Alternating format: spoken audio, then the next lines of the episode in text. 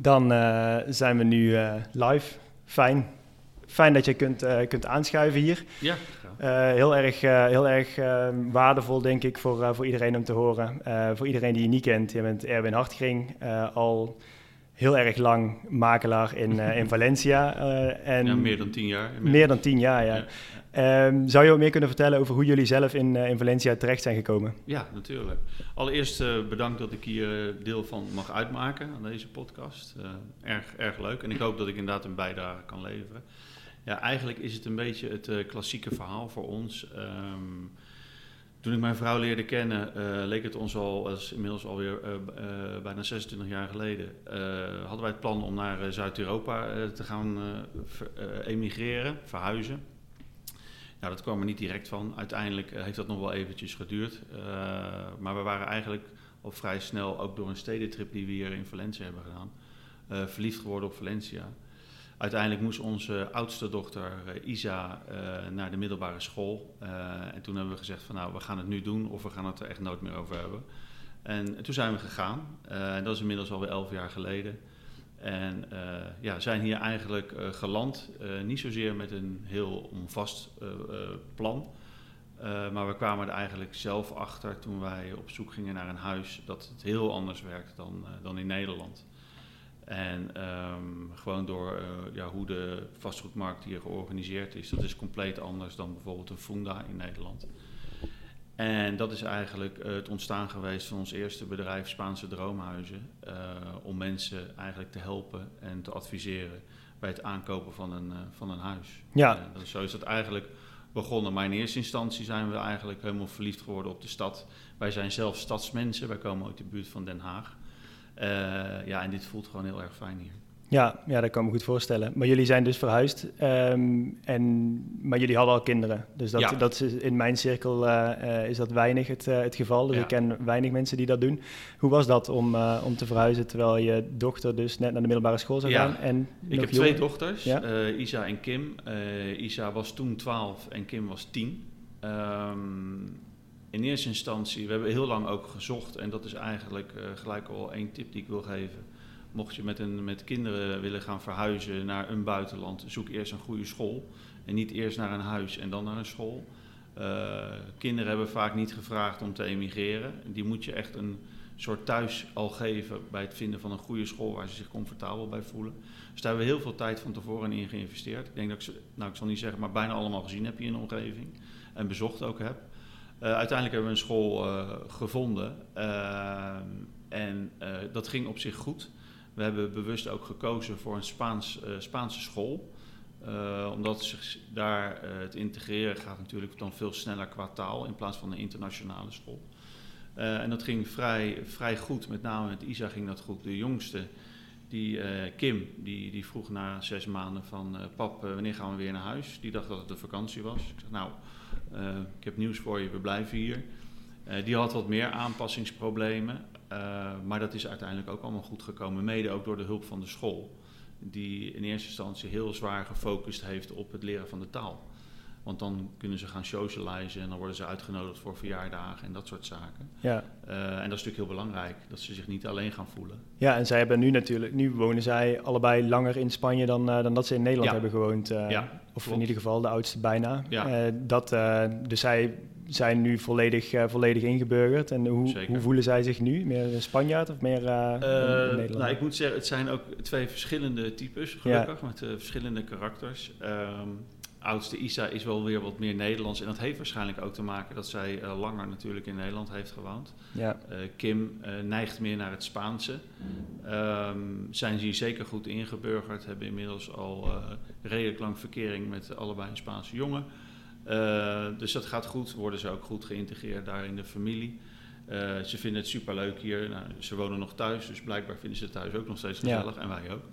Um, en vinden het leuk om naar Nederland te gaan. Uh, af en toe met familie. het voordeel is als je naar een stad als Valencia verhuist, dat je heel veel bezoek krijgt vanuit Nederland. Want het is vaak toch leuker om hier naartoe te komen dan andersom. dus wij zien geregeld familie, maar uiteindelijk zij overwegen op dit moment, het is natuurlijk hun eigen leven, niet om bijvoorbeeld terug te gaan. Dat, nee. is, eigenlijk is dat uh, op dit moment al een gepasseerd station eigenlijk. Ja, ja. knap om op die, manier, op die manier te integreren. En waar, waar let je op bij, een, bij het kiezen van een school? Nou, eh, het is ook wel een gevoel eigenlijk. En dat is niet anders als je in Nederland een, een school uitzoekt. Ehm, het, is, het, het, maakt het wel anders, omdat op dat moment hadden wij nog uh, geen huis. Uh, dus vaak kijk je in Nederland als je naar een school zoekt dat dat dicht bij huis is. Dus dat was voor ons iets anders. ja, het moest in de buurt van Valencia zijn. Ehm, dus we hebben echt wel gekeken naar een, een, goede Spaanse school. waar ook je in eerste instantie met Engels uit de voeten kunt, zowel qua ouder als, uh, als qua kind. Uh, mijn beide kinderen zaten op een eh, Montessori-onderwijs. Nou, dat was elf jaar geleden. Dat was echt heel moeilijk om te vinden. Hmm. Dit kwam eigenlijk daar het dichtste bij. En deze school hebben we gekozen omdat ze eigenlijk op elk niveau lessen op maat geven bij de kinderen in de klas. Op, ook, ook in het verschillende, op verschillende vakken. Dus je kunt heel goed zijn in, uh, in wiskunde, dan ga je in het grootste, hoogste groepje mee. Ben je wat minder in talen, dan ga je in dat groepje mee. Dus dat is eigenlijk, eigenlijk wel een luxe dat dat zo kan. Uh, en dat is uiteindelijk na al die jaren, ze zijn inmiddels, ze zijn, de oudste is afgestudeerd en de jongste die, die gaat nu een jaar vier, hebben ze dat echt wel eens heel fijn ervaren. ja. ja. Oké, gaaf. En in welke wijk is het uiteindelijk geworden met uh, school? Uh, uiteindelijk hebben we gekozen voor Campo Livar. Uh, dat mm zal de meeste mensen niks zeggen, maar dat is eigenlijk de eerste urbanisatie buiten de stad in het noordoosten. Het ligt vlakbij Paterna en bij Cordea.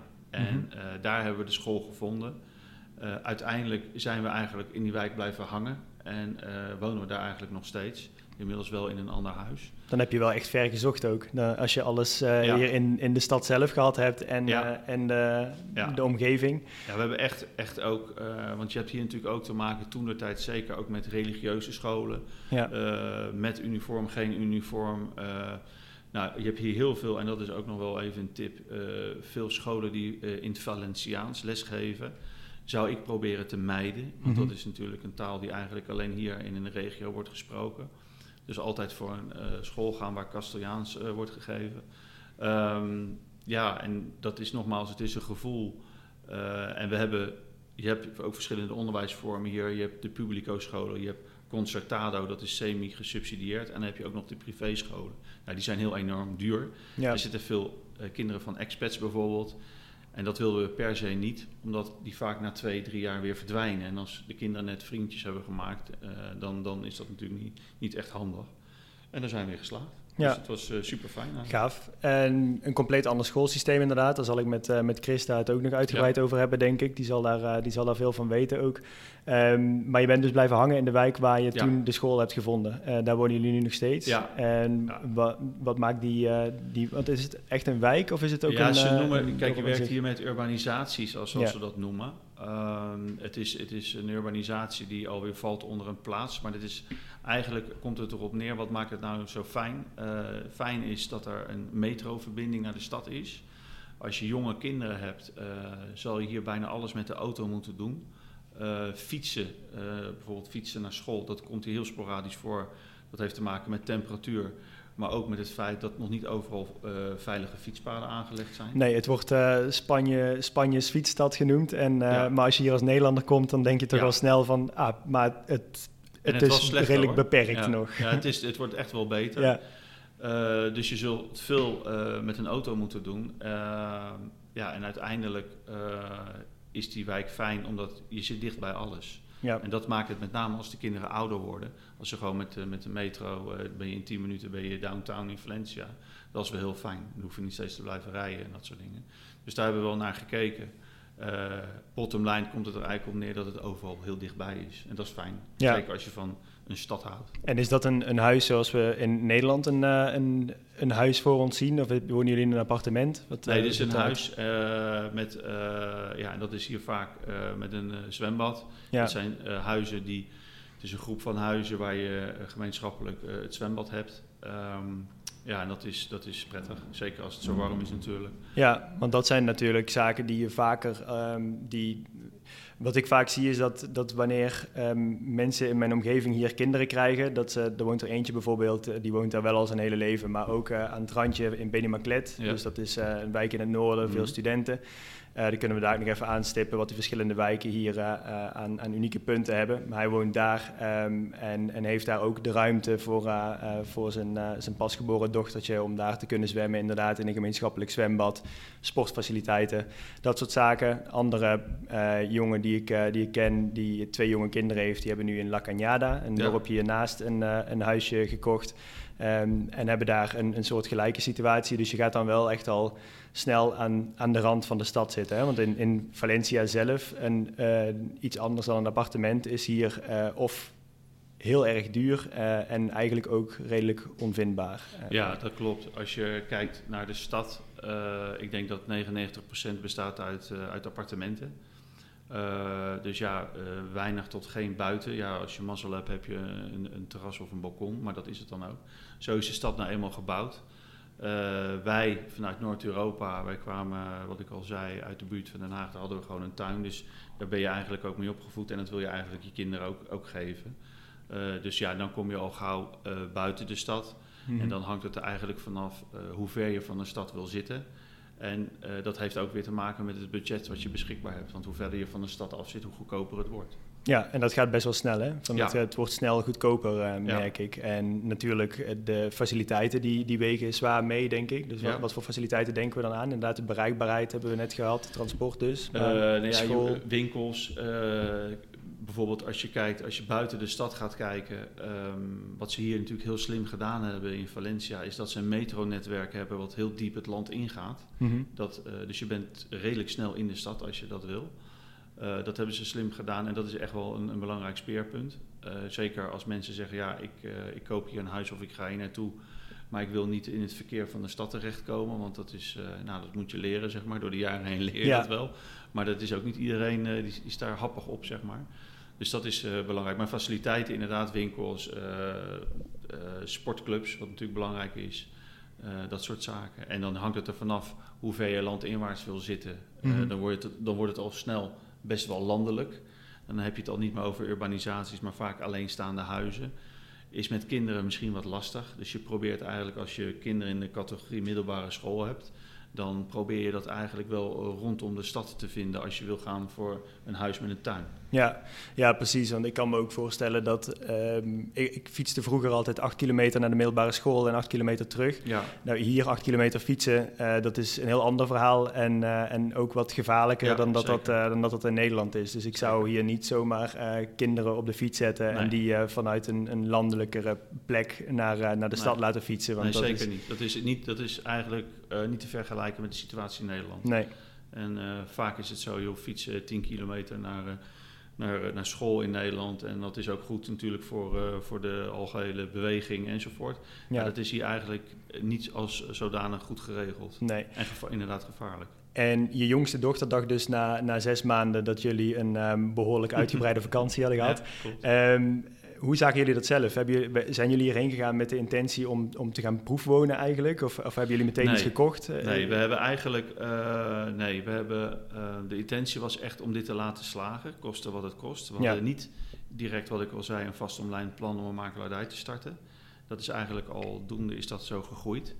En, um, maar wij waren wel heel vastberaden om dat te laten slagen. Ja. kwam eigenlijk nog bij dat we uh, vertrokken in een tijd dat het hier echt diep crisis was. Ja. Uh, dat is misschien achteraf gezien een beetje een miscalculatie geweest, maar uiteindelijk goed gekomen.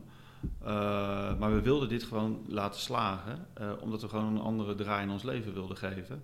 Op zich hadden we het in Nederland prima. mijn vrouw had een eigen communicatiebureau. Ik werkte voor een multinational, dus op zich was het prima. Mm-hmm. Alleen ja, dat kabbelde zo door en dat konden we redelijk uittekenen tot ons, uh, tot ons pensioen. Uh, daarbij kwam ook nog uh, dat ik voor mijn toenmalige werkgever kwam ik veel in Zuid-Spanje.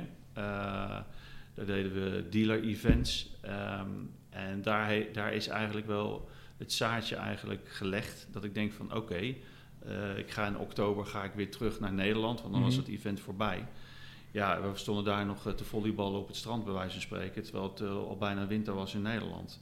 En ik ging voor mijn gevoel drie, vier maanden onder de grond voordat het weer een beetje leuk werd qua weer. Ja. ja dat begon eigenlijk steeds meer tegen te staan. En toen hebben we inderdaad gewoon besloten om te gaan. En het had zomaar gekund dat we in een half jaar weer terug waren gekomen. Ja. Van joh, uiteindelijk, je moet economisch toch iets gaan doen. Ik bedoel, uh, we hadden wel wat zakgeld, maar ja, dat houdt natuurlijk ook een keer op. En uh, nou ja, gelukkig is dat gelukt. Ja, precies. Want ja, je zei het is redelijk organisch gegroeid, maar uh, ik merk dat ik dat op dezelfde manier, manier beluister als dat anderen uh, ons horen praten wanneer wij vertellen over, uh, over ons verhaal en een vertrek naar, naar Spanje. Want dat klinkt, uh, het, het klinkt heel erg solide en, en ja. alsof dat in één ruk door, alsof je op moment A dacht, het, ik word makelaar en twee weken later nee. was je makelaar, zeg maar. Hoe is, nee, hoe is dat verhaal? Uh, nee, uiteindelijk wat ik al zei, we kwamen er zelf achter dat het hier compleet uh, uh, anders gaat dan, dan, dan in Nederland. Ja. ja, en dan begin je na te denken van oké, okay, de kopen op dit moment kopen er, door de jaren heen is dat altijd gebleken, kopen mensen huizen in Spanje. Hoe doen die dat dan? wij zijn, mijn vrouw en ik zijn redelijk handig met internet. Nou, stel dat je dat niet bent, ja, volgens mij ben je dan bijna aan de wolven overgeleverd als je hier probeert een huis te zoeken. En zo zijn we ons daarin gaan verdiepen. Komt natuurlijk bij dat je inderdaad economisch ook iets moet gaan doen. Dus je bent ook wel op zoek, uh, even plat gezegd, naar handel. Uh, hier was toen, uh, toen was dat nog, Valencia was nog niet zo bekend in Nederland. nou, dat schept ook een mogelijkheid, want dan ben je mm. een der eerste die iets gaat starten. Ja, en zo zijn we daar eigenlijk wel min of meer ingerold. Uh, en ik zeg altijd, ja, als je uh, één deur open doet, gaan er nog drie andere ook open. En zo val je van het een in het ander. Ja. En uh, dat is echt zo als je gaat ondernemen. Ik was niet van huis uit een ondernemer, maar dat ben ik hier wel geworden. En eigenlijk is de conclusie, ik zei het laatst ook nog tegen een klant van mij, ja, dat had ik eigenlijk veel eerder moeten doen. Dus blijkbaar is er toch een soort talent aangeboord wat ik eigenlijk wel heel erg leuk vind. En, ja, uh, mooi is dat hè. Als je op een gegeven moment, uh, mensen zeggen vaak van je moet je, um, je moet je oude schoenen niet wegdoen voor je nieuwe hebt. Maar ik hoorde daarna een keer iemand zeggen, ik ik hecht juist heel erg aan die fase tussendoor die ik op blote voeten loop, omdat ik dan de noodzaak heb om nieuwe schoenen, ja. uh, om nieuwe schoenen te kopen of uh, nieuwe schoenen te gaan vinden. En die, die fase, daarin komt veel meer creativiteit vrij dan wanneer je heel erg gaat denken vanuit dat pad waarin je je pensioen al uh, in, de, in de verte zag. Want dan zou je waarschijnlijk wat meer die kant op zijn gegaan, hier als, een, als expert zijn gaan werken in loondienst bijvoorbeeld. bijvoorbeeld. En is niet gezegd dat het een beter is dan het ander. Nee, Zeker niet, want je moet daar ook wel uh, de, de persoon voor zijn. En ook, wat heel belangrijk, als je dit met een gezin gaat doen, je moet het wel ook allemaal willen. En dan bedoel ik nu met allemaal, met name de partner waar je dan mee bent. Ja. Kinderen die zijn nog relatief klein en uh, heel erg flexibel, dat is ook wel gebleken. Maar uh, ja, je moet wel allebei dit voor de volle 100% willen. Als de een zegt van nou, nou ja, we gaan het maar proberen, maar ik geloof er eigenlijk niet zo in dan gaat dit niet lukken. Nee. Je moet echt wel. Uh, en het, het, is zeker niet makkelijk geweest. En zeker in het begin zeker niet. Um, maar als je dit zo graag wil en je bent. Als je, hoe langer je hier bent, en dat zul je zelf denk ik ook ervaren, dan denk je, ja, dit is toch wel heel erg leuk zeg. Ja. En dan word je eigenlijk, krijg je nog meer energie om het echt te laten slagen als je tegenslagen hebt. Ja, precies. Want je, je zei net al, um, wanneer, er een, wanneer je één deur doorloopt, dan gaan er drie andere open. Ja. Voor jullie, um, ik heb jullie uh, lijst aan websites gezien. Mm -hmm. Er zijn twaalf deuren open gegaan volgens mij. Ja. dat gaat. Uh, als je een website als een deur ziet, ja. ja. een portal. Ja. ja. ja. Um, wat, uh, wat is het precies waar jullie je nu mee bezighouden? Want ik denk dat uh, we kunnen het dadelijk over de verschillen hebben die je mhm. net al kort aanstipte. Want het is hier inderdaad compleet anders om iets te kopen.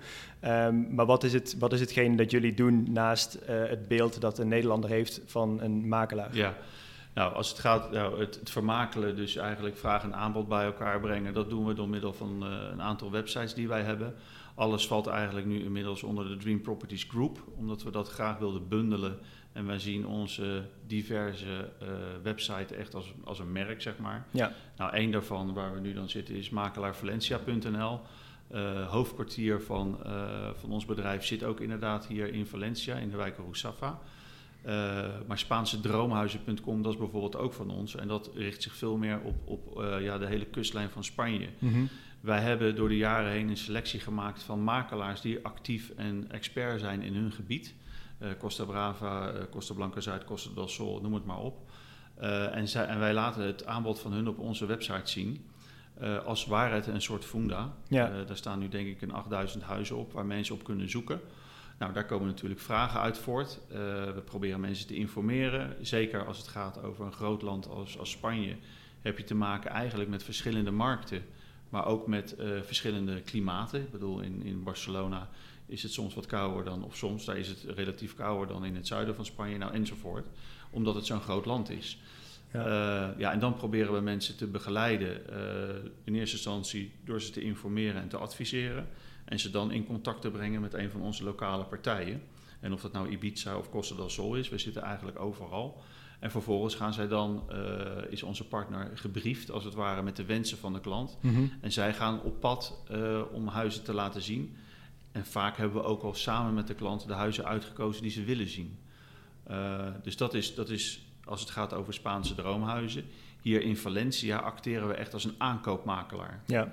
En dat is een wezenlijke, omdat het vastgoed hier anders gestructureerd is. En eigenlijk komt het erop neer, ehm, als je in Nederland een huis wilt verkopen, ga je naar, vaak naar de lokale makelaar. En hij is de enige die het mag aanbieden. Uh, dat is hier niet. Je kan hier in Spanje kan je naar vijf, zes makelaars gaan. En dat zorgt eigenlijk op het internet voor een complete chaos. En wat ja. wij heel vaak horen is dat mensen zeggen: Ja, ik ging vol enthousiasme het internet op. Alleen ik zag al heel snel door de bomen het bos niet meer. Want ik zie hetzelfde appartement op verschillende websites terugkomen, nou enzovoort. Nou, daar helpen wij mee.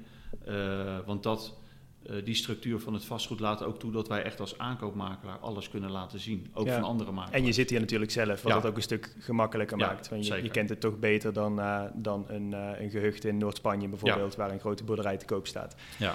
Um, dat, ik, ken, ik herken dat inderdaad, want dit, het kantoor waar we nu zitten, dat zagen we op, uh, op Idealista staan. Dat stond er volgens mij vier of vijf keer op. Um, en we hebben er maar gewoon eentje tussenuit gepikt en die heeft het ons laten zien. Toen moesten we letterlijk rennen naar, uh, naar het contract om dat te gaan tekenen, omdat er een andere makelaar ook onderweg was volgens mij. Dus dat soort dingen, die, uh, die komen inderdaad voor. En een, een ander punt waarvan ik me goed kan voorstellen dat jullie een heel grote toegevoegde waarde hebben, is als je hier iets moois ziet... Uh, in de stad, als het al op Idealista komt. Want vaak is het daarvoor ook al, ja. uh, al weggegrepen. Mm -hmm. uh, als je iets moois ziet op Idealista, dan is dat ook na enkele dagen of na een dag, dan kan dat alweer ja. weer vergeven zijn. En dan is er iemand met, met een, een, tas geld langsgekomen en dan is dat gewoon weer weg. Als je in Nederland op een regenachtige zondag daar verlekkerd zit te scrollen, dan is de kans heel klein dat je, dat, je dat dat specifieke appartement gaat krijgen. Ja, dat is waar. Uh, wij, wij zijn vaak, zeker als wij klanten wat beter kennen, uh, als wij bijvoorbeeld al een bezichtigingsronde hebben gedaan van vier, vijf appartementen, dan weten we veel beter wat iemand zoekt. Uiteraard hebben we daarvoor al ook wel telefonisch contact gehad of per e-mail. Ja. En dan kan je zeggen op een gegeven moment, oké, okay, uh, er komt nu iets op de markt, dit past.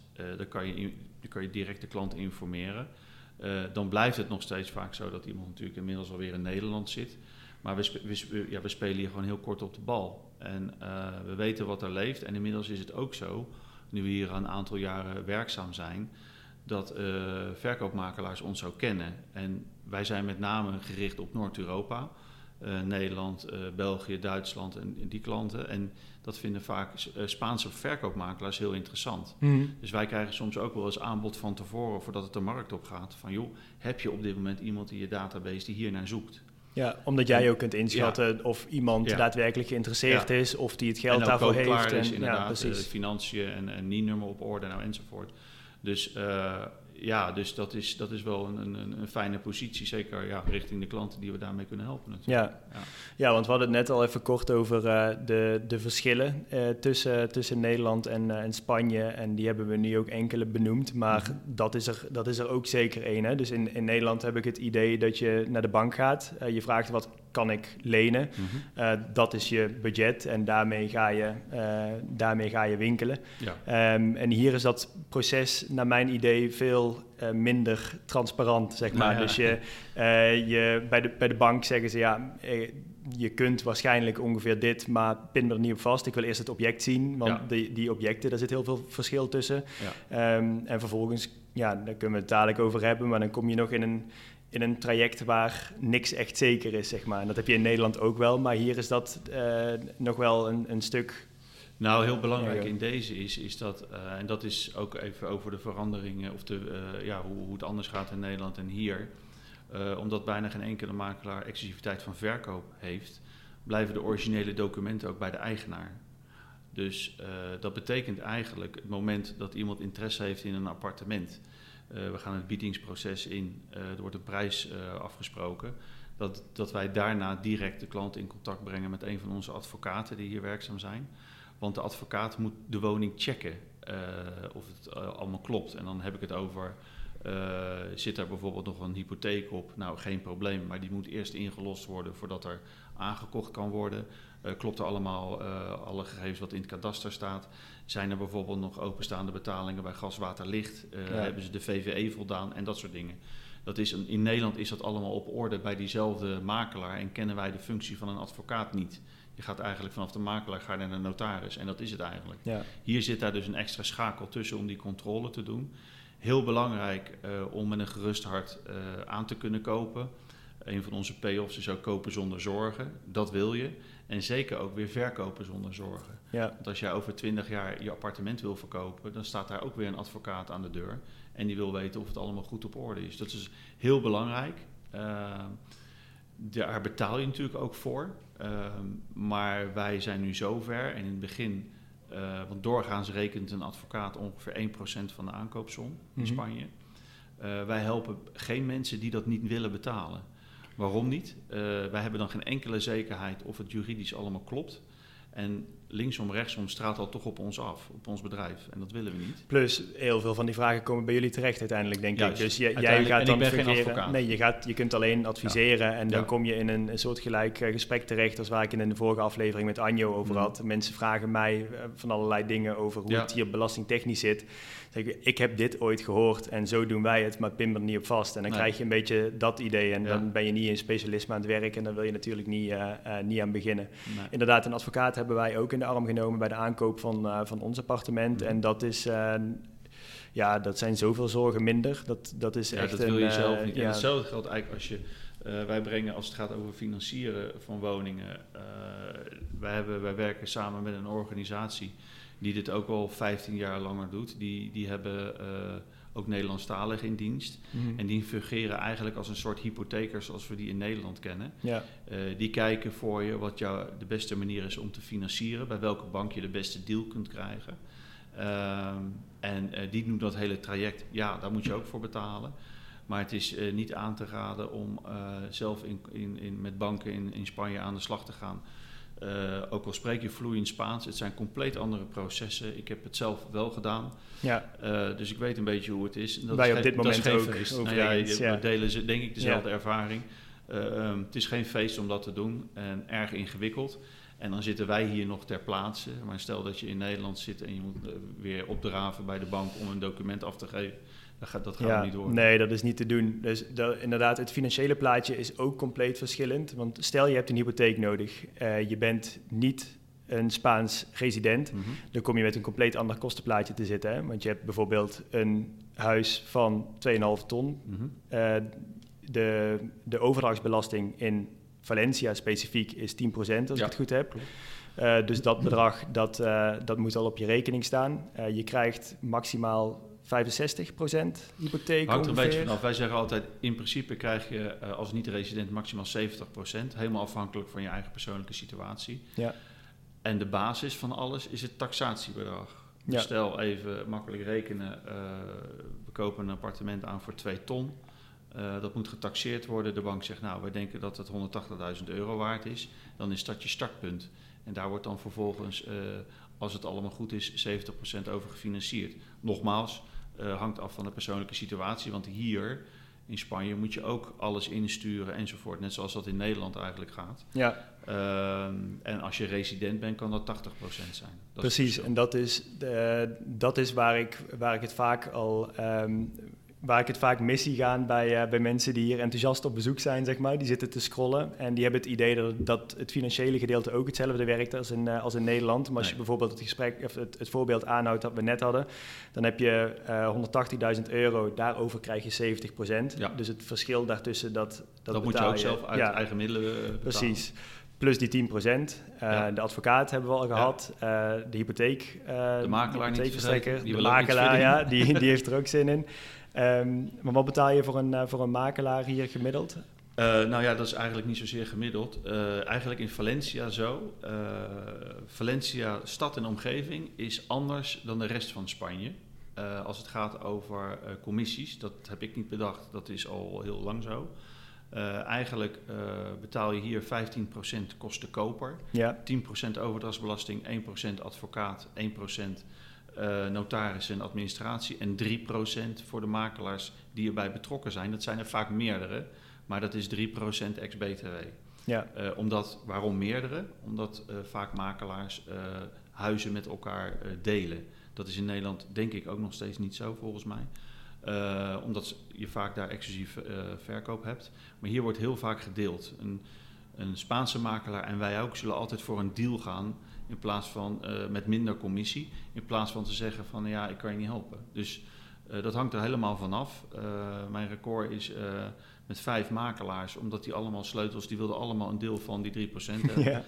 Was ik zagrijnig, want het is een hele slechte deal voor ons. Ja. Maar uiteindelijk heeft de klant wel het appartement wat hij graag wil kopen. Precies, dus uh, voor, alle, voor alle duidelijkheid, je betaalt 3% en die, de makelaars die verdelen dat, uh, die, je gaat niet vaker 3% betalen. Nee, nee, nee, nee. dat is eenmalig, de factuur die versturen wij. Ja. Uh, in de rest van Spanje is het zo dat die 3% uh, wordt eigenlijk betaald door de verkoper. Dus daar zijn de kosten koper 12%. Ja. Dus dat is minder. Nogmaals, heb ik niet bedacht, maar dat is de situatie hier. En dat zal elke makelaar doen waar je naar binnen wandelt. Dus je zegt van, dus of je nou met ons aan de slag gaat of met Pedro of Juan, om het maar even zo te zeggen, we rekenen allemaal hetzelfde. Ja. ja. Ja, behalve wanneer een appartement vanuit een bank of een investeringsfonds wordt verkocht. Ja. Uh, waar je ook een website voor hebt, volgens mij, daar staan die allemaal verzameld. Dat is olapisos.com of zo.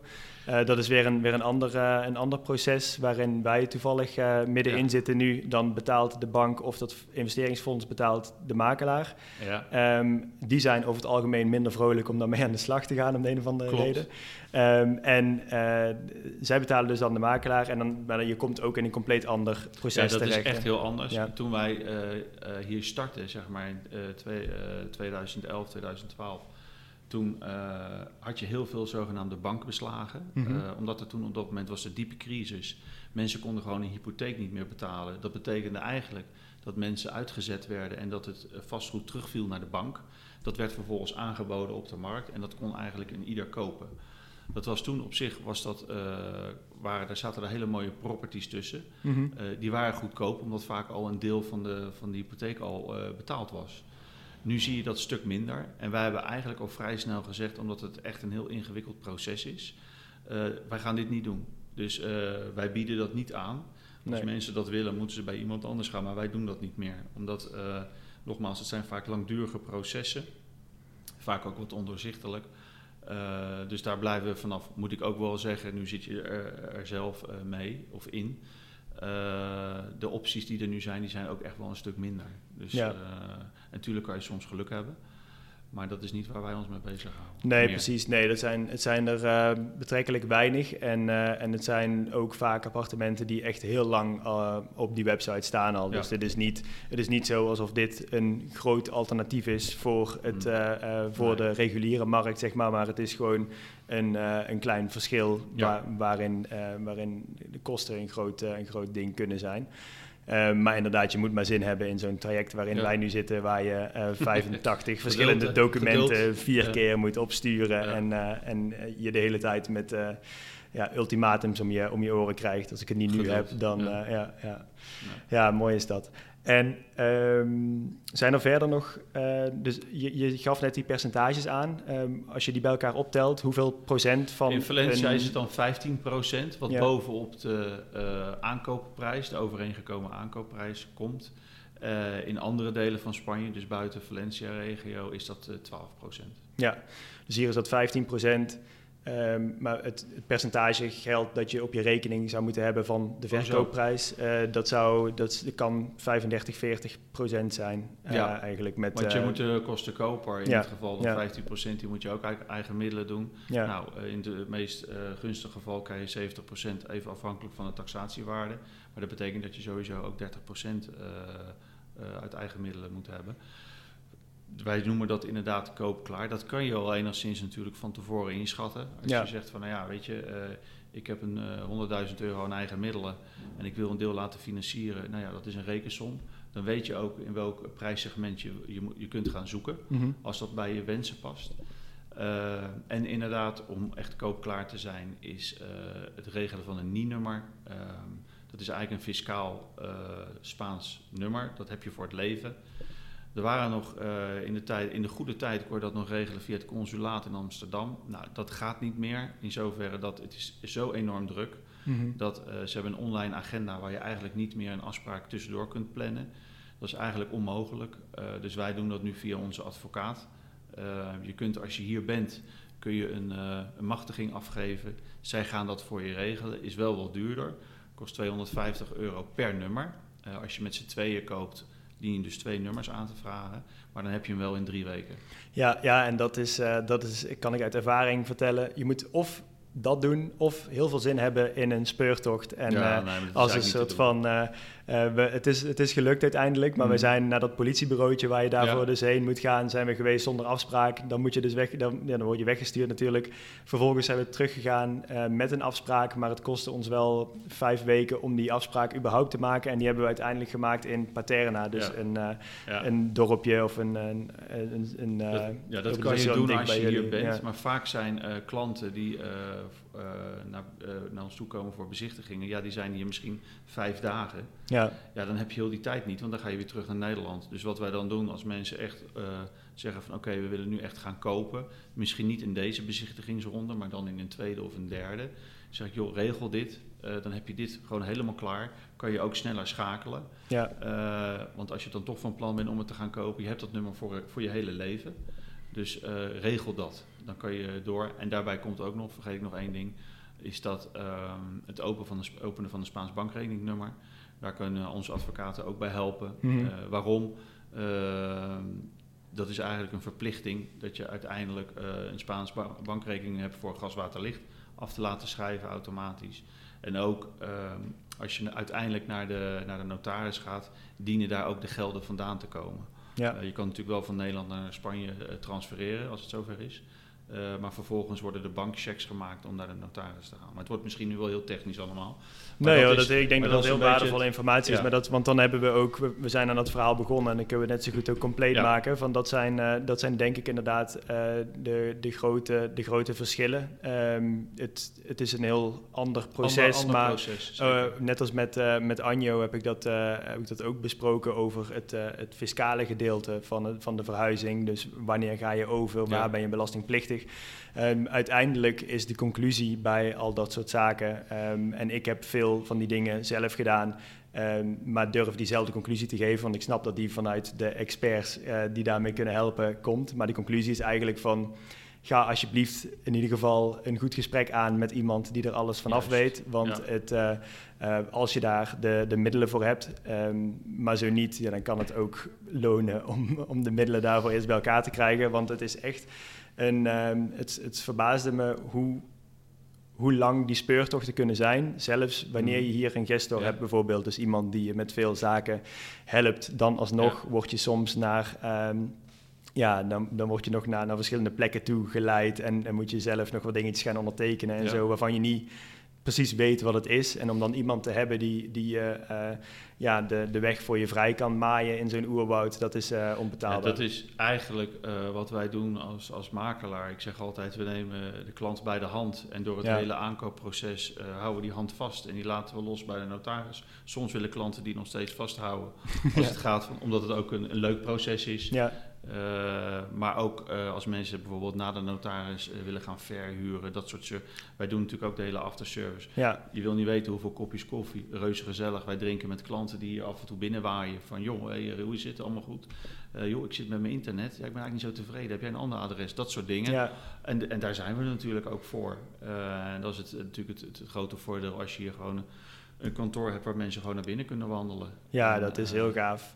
Je, je maakt nu al het, uh, het bruggetje uh, naar huren slash verhuren. Uh, stel, ik, ehm, ik ben nog helemaal niet van plan om, om hier iets te gaan kopen, of ik kan hier nog niks kopen, dan, dan ga je huren. Zijn daar grote verschillen in vergeleken met, met Nederland? Ja, nou, in, gelijk even zeggen, wij doen geen verhuur. we weten er natuurlijk wel iets van. Uh, wij werken samen met een eh, partij in, uh, die ook in onze eigen wijk zit, die met name gespecialiseerd is in de verhuur van uh, gemeubelde appartementen. Dus ik geloof dat ze nu ruim 100 in beheer hebben, okay. die dat voor klanten doen. ja, daar heb je verschil in.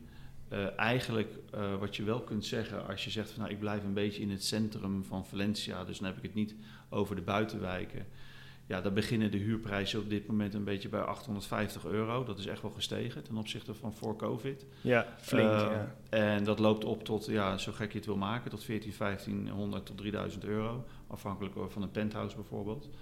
Uh, dus de, de, en de, de verhuurmarkt staat best wel onder druk. Um, net zo goed als er in Nederland op dit moment natuurlijk woningnood is, ook bij de jongeren, is dat hier ook wel enigszins het geval. Eigenlijk denk ik dat de, er zijn statistieken van dat uh, in Spanje blijf je ongeveer tot je dertigste uh, bij je ouders wonen. Ja. En beide dochters uh, wonen ook nog steeds thuis. Super gezellig. Ja. en ja, misschien kom je nu in Nederland ook wel in zo'n situatie terecht. hier, als het gaat over huren, ja, kan. hangt er helemaal vanaf in welke wijk. Um, wat wel interessant is, want dat is dan eigenlijk weer een andere slag die wij maken, is dat wij nu een groot aantal mensen, investeerders hebben die nu naar Valencia komen omdat in Nederland kunnen zij niet meer uit de voeten. Stel je hebt uh, eh, 25 appartementen uh, in je portfolio zitten. Ja, in Nederland, door alle nieuwe regelgeving, kan dat eigenlijk niet meer. En leggen ze nu de focus op het buitenland. Die komen hier naartoe om appartementen te kunnen kopen. Dat kan ook gewoon nog steeds hier. Daar zit, op dit moment is daar nog ja, geen limiet op of iets dergelijks. En dat is weer slim, omdat heel veel mensen hier willen we krijgen wel aanvragen voor uh, om te huren. Ja. Die, die vraag is gigantisch, alleen ja, uh, het aanbod is, loopt achter op dit moment. En hoe, hoe, hoe zie jij dat ethisch gezien, dat, dat dat probleem bestaat? Je hebt zelf twee dochters mm. en dat er partijen komen die, ja, die met veel geld komen opslokken, zeg maar? Nou, kijk, dat is natuurlijk ook een, een kwestie van marktwerking, vraag en aanbod. Uh, het is niet zo dat Spanjaarden dat uh, bijvoorbeeld niet doen. Er zijn een aantal grote families hier in de stad die heel veel vastgoed in hun beheer hebben. Ja. Dus ik denk dat dat wel van alle tijden is. Um, feit is wel, men volgt dat hier nauwkeurig. Um, in 2018 hebben wij bijvoorbeeld een nieuwe burgemeester gekregen hier. Na 41 jaar mevrouw Rita Barbera. Die eigenlijk de stad opgebouwd heeft. Mm -hmm. zij werd toen niet herkozen. Um, en de nieuwe burgemeester is met name voor de eigen bevolking. Zet veel in op nieuwe groenvoorzieningen, fietspaden inderdaad, waar we het eerder over hadden. Maar zijn, een van zijn eerste maatregelen die hij gedaan heeft, is het afschaffen van het verkrijgen van Airbnb-vergunningen ja. voor toeristen. Dat is het allereerste wat hij gedaan heeft. Er was toen de tijd best wel een beetje oproer in de stad van mensen die het helemaal beu waren van alle toeristen die hier rondsjouwden. En ja, je zou maar in zo'n portiek wonen. Dat is toch echt heel lastig. Dus hij heeft eigenlijk gelijk min of meer gezegd, uh, na een overgangsperiode van joh, uh, als je een appartement koopt, uh, je krijgt er geen vergunning meer op voor toeristenverhuur. Voor korte, korte termijn verhuur. Korte termijn verhuur. En wat nu wel nog steeds heel erg lucratief is en waar veel vraag naar is, is zeg maar de midden- en lange termijn verhuur. Dus bijvoorbeeld het verhuren aan locals, dat gebeurt nu ook. Terugkomend op jouw vraag, is dat ethisch? Er zijn ook investeerders die zeggen van joh, ik investeer juist in de wat mindere wijken om het te kunnen verhuren aan locals. Dus op zich, ja, dat gebeurt ook.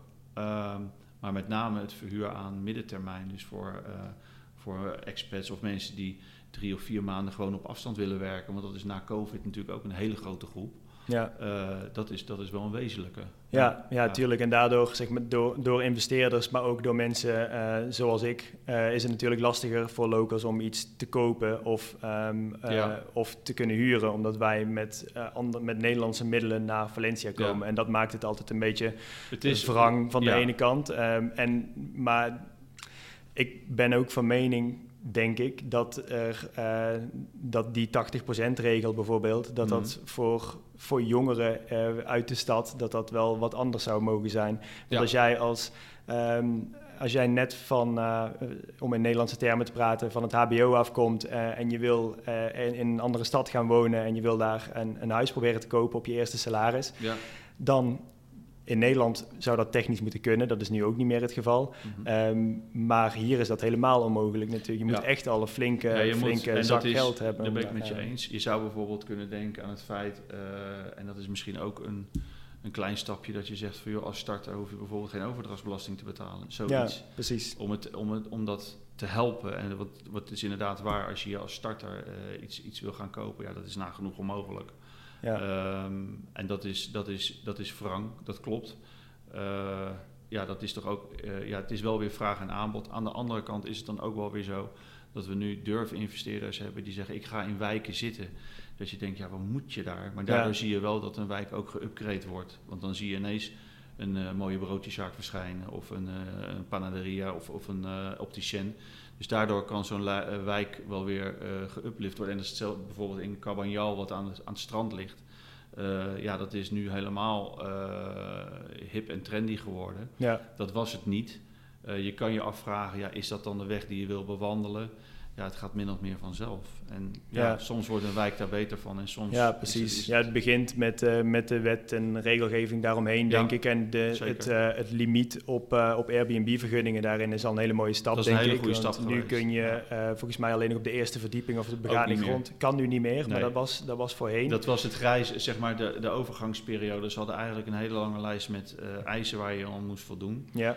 Maar wat we nu zien is dat toen dat afgekondigd werd, hebben heel veel VVE's hebben hun statuten laten wijzigen. En laten vastleggen bij meerderheid van stemmen dat er geen uh, korte termijn vuur in het gebouw ja, plaatsvindt. Bij ons is dat wel het geval. En dan ben je eigenlijk klaar. Ja. Want dan kan je nog zoveel aan zoveel eisen voldoen. Maar dit is leidend. En, een van die eisen was volgens mij ook dat je toestemming moet hebben inderdaad van al je buren. Ja. nou, probeer dat hier maar eens bij, uh, bij een, uh, een, nee, een Spaans stel van, uh, van 75 plus dat door te krijgen. Die hebben daar helemaal geen zin in. Nu is het zo dat in, in ons appartementencomplex is dat wel het geval. Dus we hebben nog in, op de eerste, we, zijn, we zitten in La Saidia. Ja. bij Torres Serranos, net de brug mhm. over, achter de Convento. Daar, uh, daar wonen we. Uh, dat is helemaal niet toeristisch, maar daar zit een, uh, het is natuurlijk dicht bij de stad, dus ja. het begint er een beetje bijgetrokken te worden. En daar zit in ons gebouw, waar voor de rest veel ehm, ouderen wonen, zit op de eerste verdieping een appartement waar, wat wel via Airbnb verhuurd wordt. Wat over het algemeen geen enkel probleem is. Laatst werd ik om vijf uur s'nachts wakker uh, van, uh, van heel luid gekrijs. En ben ik naar beneden gegaan omdat ik wilde zien wat er aan de hand was. Er stonden twee jongens glazig te kijken. die zeiden dat ze, dat ze de politie gingen bellen buiten en of ik die twee krijsende vrouwen uit elkaar wilde halen. Dat was ontzettend vreemd. Uiteindelijk sloeg die gast een, uh, een, raam in beneden, omdat hij niet meer de deur in kwam. En dat was één grote... Uh, Pandemonium. ja. ja. één grote ellende waar de politie bij, uh, bij moest komen kijken. Dus ik, ik snap de frustratie daaromtrent. Um, lang verhaal kort. Ik ben blij dat het... ik denk dat het zo wel voldoende is, zeg maar. Ook ja. om weer wat... Um, wat gebouwen te hebben hier in El Carmen bijvoorbeeld. We zitten nu, uh, nu in El Carmen, de, de, oude, de oude binnenstad, zeg maar. Ja. Um, daar staan nog best wel veel panden helemaal leeg. Nou, dat is natuurlijk een ontzettend werk om dat volgens de, de regeltjes uh, te, uh, te restaureren en daar wat in te beginnen. En ik heb het idee dat daar nu bijvoorbeeld precies naast Torres Serranos, dat daar wel weer wat dingen beginnen te gebeuren. Dus daar is nu een groot hotel ja. uh, geopend. Het ziet er heel netjes uit. Dus op die manier krijgen die gebouwen misschien nou, ook weer wat... Ja, daarop inhaken. Dat was natuurlijk ook mede het succes van Airbnb in, in Valencia er zijn uh, structureel gewoon te weinig bedden. Ja. En dat heeft te maken met het aantal hotels. Uh, met name in het, in het hogere segment bijvoorbeeld. Uh, ja. Daar wordt nu wel op geschakeld. Dus daar wordt inderdaad nu wel ja, wat, wat ontwikkeld. ik denk dat dat goed is. en, en ja, nogmaals, de, de, regelwijziging die ze gedaan hebben voor de licenties van Airbnb in 2018. Wij waren best wel een beetje in de war, als ik heel eerlijk ben. Ik denk, nou, wij verkochten veel appartementen en die gingen vervolgens de verhuur in. Maar nu, vier jaar later, ik denk dat het de beste beslissing is geweest die ze ooit hebben kunnen nemen. Ja. Uh, de stad is weer, er is weer rust. Uh, ja, we zijn afhankelijk deels van, van toerisme, maar het is nu allemaal gewoon uh, genormaliseerd. Ja. En gelukkig ook maar. want er zijn denk ik ja, genoeg voorbeelden waar dat helemaal verkeerd is gelopen. Ja, precies. En dat hadden, wil je eigenlijk helemaal niet. Nee, ze hadden al die voorbeelden natuurlijk, hoe dat in Amsterdam, eh, Parijs, Londen en al die, uh, die metropolen, hoe dat uh, volledig is misgegaan. En ik heb het idee dat ze daar precies op tijd op hebben kunnen acteren om het hier leefbaar te houden. En het is goed om dat van iemand in de branche ook bevestigd te krijgen, want dat gevoel had ik ook toen, toen dat hier een beetje bekoelde met, met die Airbnb-contracten. Ehm, stel, jij zou nu iemand, uh, iemand moeten adviseren ehm, die in het centrum wil wonen? Wat voor, wat voor wijk zou jij, uh, zou jij aanraden en, uh, en, en waarom? Want we hebben bijvoorbeeld een wijk die veel voorbij komt, is Roussafa. Ja. Heel duur, best wel vol nu, denk ik. Jullie kantoor nou, is dat ook? Ja, daar zit ons kantoor ook. Ja, het, is, het is in zoverre vol. er komt nog af en toe wel wat vrij. Uh, eigenlijk een, een, hele rare wijk, want die was 15 jaar geleden, het ligt vlakbij het station. Ja, dat zijn doorgaans niet de beste wijken. Het was echt een, een ja, een gevaarlijke wijk. Eh, veel drugs, uh, prostitutie nou, enzovoort. Uh, maar dat is eigenlijk, en dat zie je ook in, in andere delen van de wereld, dat waar volkswijken in één keer hip en trendy zijn. Ik zeg altijd, als iemand met een baard koffie gaat uitschenken, ja. dan wordt het eerst een kunstenaarswijk en daarna wordt het helemaal, gaat het qua prijzen omhoog. Dat is ook een beetje gebeurd in Roussafa. Als mensen nu, het, is, het, het, verschilt wel echt wat voor budget je beschikbaar hebt. Uh, het zijn ook echt wel verschillende wijken. Als je kijkt waar we nu zitten in El Carmen, de oude binnenstad. Uh, Super gezellig, uh, barretjes, uh, je kunt er van restaurants van alles. Uh, huizen staan daar wat dichter op elkaar. Uh, er is niet altijd een lift, gewoon vanwege het feit dat het natuurlijk de oude binnenstad is. Weinig ruimte, weinig licht. Weinig licht. je kan soms op de derde verdieping met de hele dag met het licht aanzitten. is een andere wijk. Klinkt allemaal heel negatief. Het heeft ook positieve kanten, want ja, meer, meer in de stad kun je eigenlijk niet zitten. wat je nu ziet is dat mensen toch vaak, omdat Valencia zodanig georganiseerd is dat je eigenlijk alles kunt lopen en alles kunt fietsen. Het is allemaal heel dichtbij. Uh, dat mensen zeggen, nou ja, ik kijk toch even een deurtje verder. Ik ga toch even in een andere wijk kijken waar het misschien wat ruimer opgezet is. Nou, Roussafa is daar een voorbeeld van. Alleen ja, daar zijn natuurlijk nu prijsstijgingen geweest. Dat mensen zeggen, ja, stel ik zoek in de categorie 200.000 euro. Ja, dat wordt best wel heel erg lastig in Roussafa. Terwijl het vijf, zes jaar geleden was het, was makkelijk, geen probleem. Was geen probleem. Nee. Uh, en dan is het eigenlijk weer uh, een olievlek die zich uitbreidt, uh, aan Roussafa gekoppeld zit en Korts en Montelivet. Dat zijn nu populaire wijken omdat je daar in die prijscategorie van 200.000 euro echt nog wel leuke appartementen kunt ja. vinden. En je loopt daar de rust in vanuit Roussafa. Ja, je, kan, je zit ja. vlakbij de rivierbedding, hè, de Touria, waar je lekker kunt sporten of wat je ook wil doen. maar je zit ook maar 10 minuten lopen van Roussafa af, dus je zit er niet in, maar je zit er vlakbij. ja, dat is wel wat we zien. Ehm, en daarnaast heb je natuurlijk nog, uh, als mensen zeggen van, onze Belgische klanten noemen het dan altijd zonnekloppers. Als je een zonneklopper bent, wil je dicht bij het strand zitten. Ja. ja en dan kan je voor uh, Rossa en uh, kiezen. Um, met die restrictie dat dat natuurlijk in de zomer heel erg druk is. in de winter minder druk is. Ja. dus ja, het, het, hangt er een beetje vanaf wat voor persoon je ook uh, bent en wat je budget is eigenlijk. Ja, tuurlijk. Ja. Waarvan Cabagnal heel erg het, uh, het hippe gedeelte al is hè, ja. van, het, uh, van, het, van, van de, de strandwijken. Ja. dus dat is, dat is naar mijn idee echt al een heel eind de goede, de, daar de goede of tot de goede kant daar is, aan het gaan. Daar, is, dat is daar, echt wel daar zijn met name investeerders echt bovenop gesprongen. En mensen die toen de tijd, en dan heb ik het eigenlijk zeg maar een jaar, twee jaar voor COVID, echt in de gelegenheid waren om iets te kopen. Ja, die hebben dat toen goed gedaan als je daarvoor gaat. Ja. Uh, nu is dat ook in prijs uh, gestegen.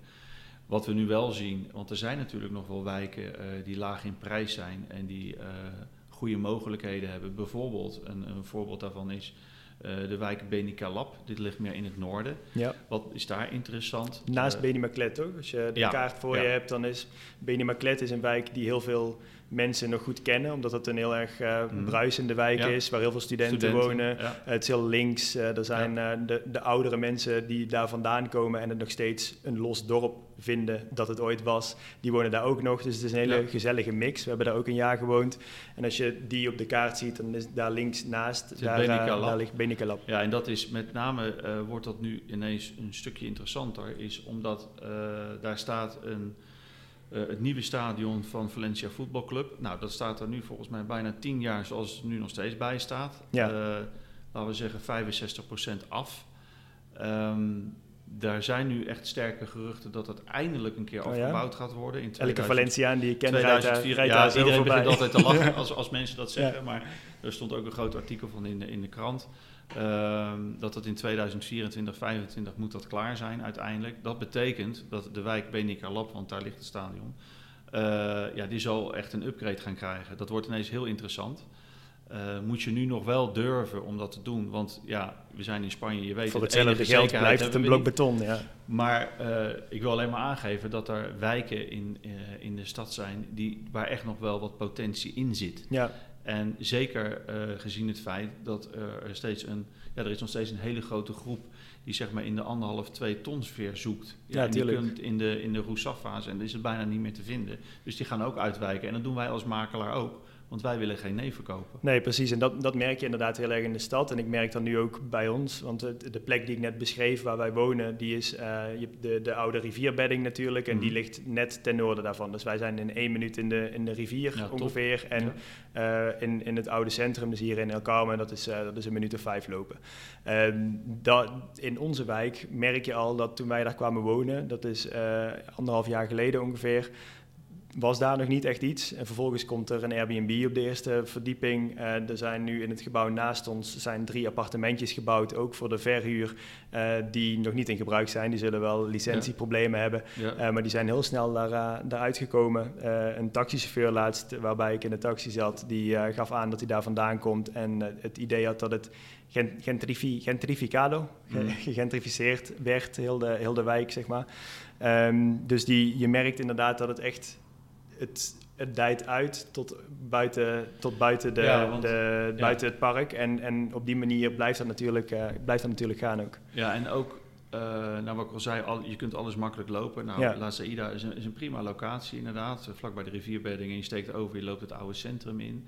En daar komt bij ook, uh, mensen lijkt, het lijkt dat mensen steeds minder bang worden voor een renovatie. Mhm. Wij, uh, wij hebben inmiddels een goed team als het gaat over renovaties, want vaak zijn het oudere appartementen. Ja. Uh, wij doen nu een, een, een, renovatie of 30 per jaar, van heel groot tot, tot kleine renovaties. Uh, dat schept natuurlijk heel veel mogelijkheden. Vaak zien we dat als mensen naar ons toe komen, ja, we willen eigenlijk niet zoveel doen, we willen een sleutelklaar appartement. Dan zeg ik, nou, ik heb nieuws voor je, dat is er niet. Nieuwbouw is er bijna niet in de stad. Als het er al is, dan is het vaak aan de rand van de stad op plekken waar je eigenlijk niet wil zitten. Nee. Zit je te ver van alles af.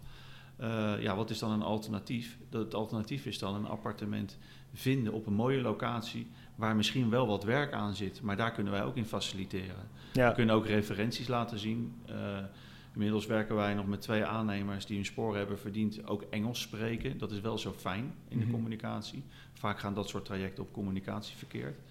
Uh, maar dan gaan ineens heel veel, ik had het over deuren die open gingen. Dit is ook zo'n deur die open gaat. Want als je daarvoor open staat, dan is er in één keer veel meer aanbod. Je, je moet, uh, dat, dat is hetzelfde bij ons. We hebben dus vorig jaar het appartement gekocht waar we nu in wonen. En mhm. we zijn nu bezig met een appartement dus van het investeringsfonds kopen. Nou, je komt daar binnen en je hebt absoluut niet het idee, uh, dit dit is iets waar, ik, waar, ik nu, waar ik nu mijn meubels in zou kunnen zetten. Dus daar moet nog heel veel aan gebeuren.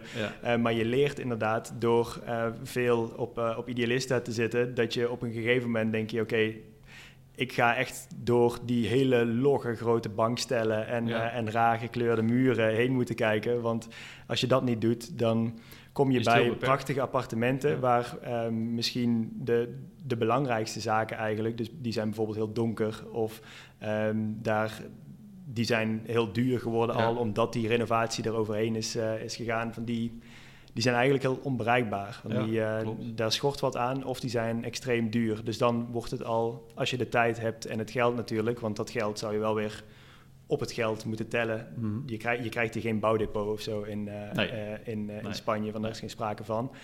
Dus je, je moet dat wel weer kunnen, betalen. Ja, maar als dat de mogelijkheid is, dan is dat wel een hele interessante manier. Omdat je inderdaad, als je er niet doorheen kunt kijken, dan blijft er heel weinig over.